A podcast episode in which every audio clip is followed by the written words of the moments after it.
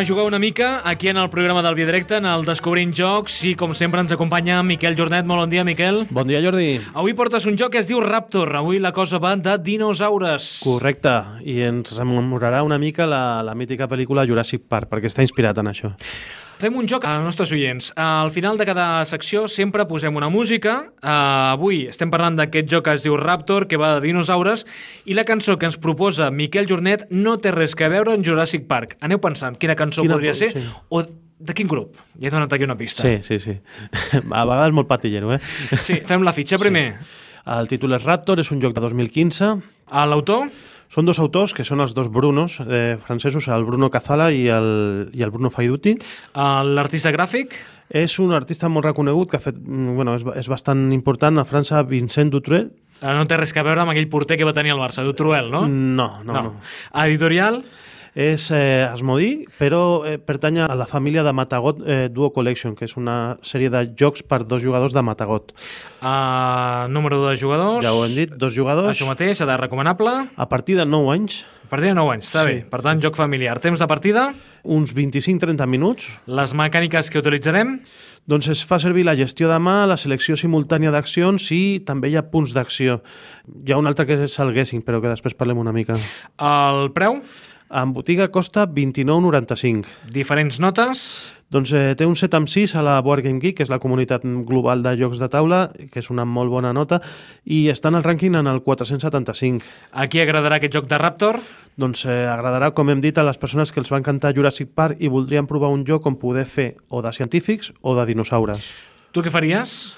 Ens intercanviem, però igual primer dinosaure, no? Sí? Sí. Fan més por, no? Bueno, el que passa és que aquí hi ha unes cries que hem d'intentar salvar dels científics. Els que fan més por potser són els científics. Sí? Sí.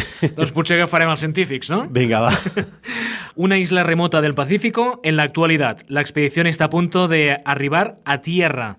Los exploradores que enviamos han regresado malheridos, pero han confirmado nuestras sospechas. No todos los dinosaurios han desaparecido.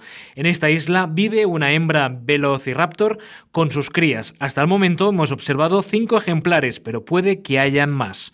Nuestra misión, capturar a las crías vivas o neutralizar a la madre, que es muy rápida y peligrosa. Por eso os digo velociraptor, ¿no? Clar, clar. Porque es rápida y perillosa. Será una lucha épica, pero cualquier científico serio se moriría por estar en mis zapatos. Que comience la cacería. Eh. Profesor uh, Lindenbrock, paleontólogo. Clar, signat pel professor, no?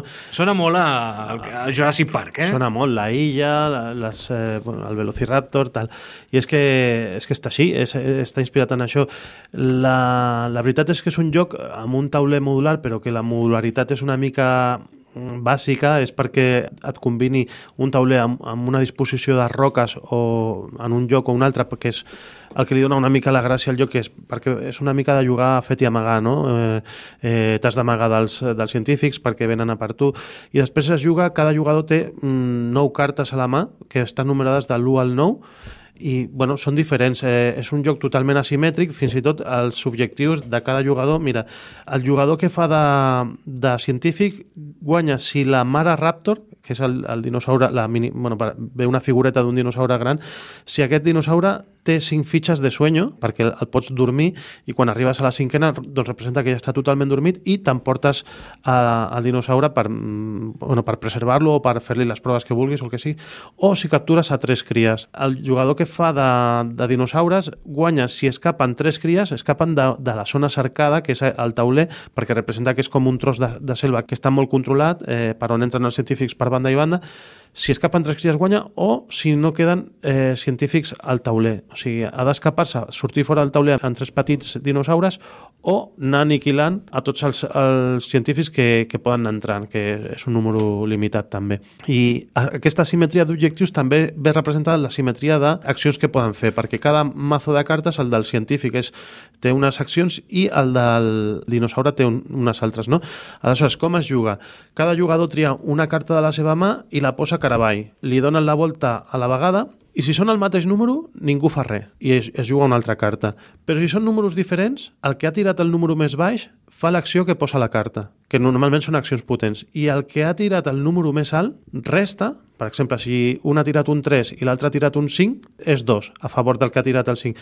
Pues, en segon lloc farà dos accions de les que li permet fer el seu personatge, que són accions eh, que ja estan matisades, pues, eh, no sé, pues el moure't o coses així, que són ja accions genèriques, però les accions realment especials són les que venen a les cartes i per tu poder-les jugar has d'intentar esbrinar quina carta et jugarà l'altre jugador i a vegades és el que als francesos els agrada tant, que són els jocs eh, de cartes que salguessin, no? de, de posar-te en la pell de l'altre i intentar tirar eh, el que més et convé en relació al que tira l'altre, no? I, I això és, és xulo perquè a vegades eh, si tu tires un 9 i l'altre tira un 1, l'altre farà l'acció 1, que és la potent, però tu tindràs 8 accions que podràs fer eh, en el teu torn, no?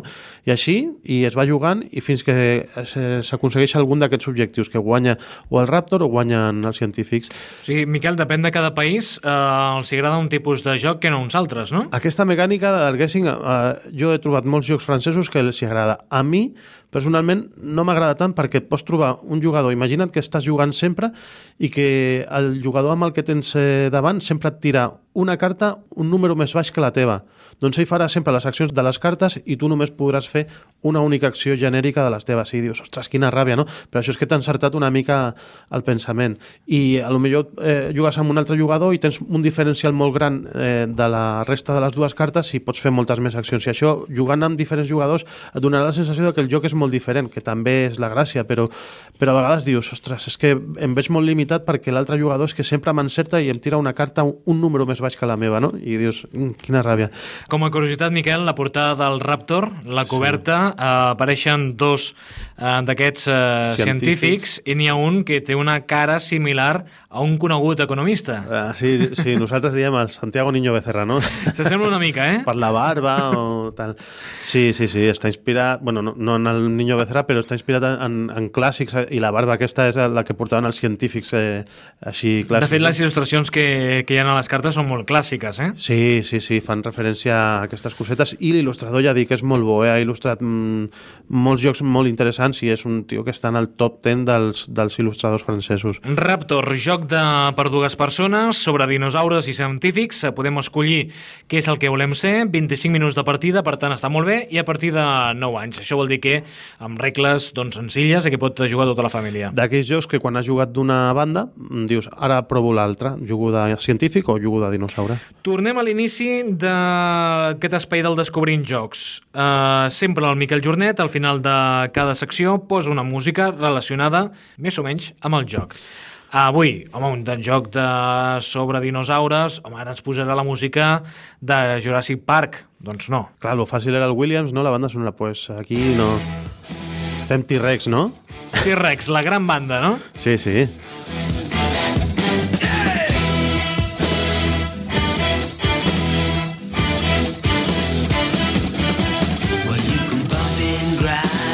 El títol de la cançó és eh, Children of eh, the Revolution, podríem dir Velociraptors of the Revolution, no? Sí, sí. Les cries. Ah, bueno, clar, per les cries, les, molt bé, les molt bé. nenes ben trobat, de la ben revolució, trobat. sí. És que les cançons que sonen aquí en aquest espai no sonen per casualitat. Miquel eh, està més estona buscant la cançó i com relacionar-la que no explicant el joc, eh? Sí, sí, jo per Disfrutes les nits, més. sí, sí, em dedico a, al YouTube perquè les traiem del YouTube sempre i a veure, trobar una mica la que, la que sigui més adient, no?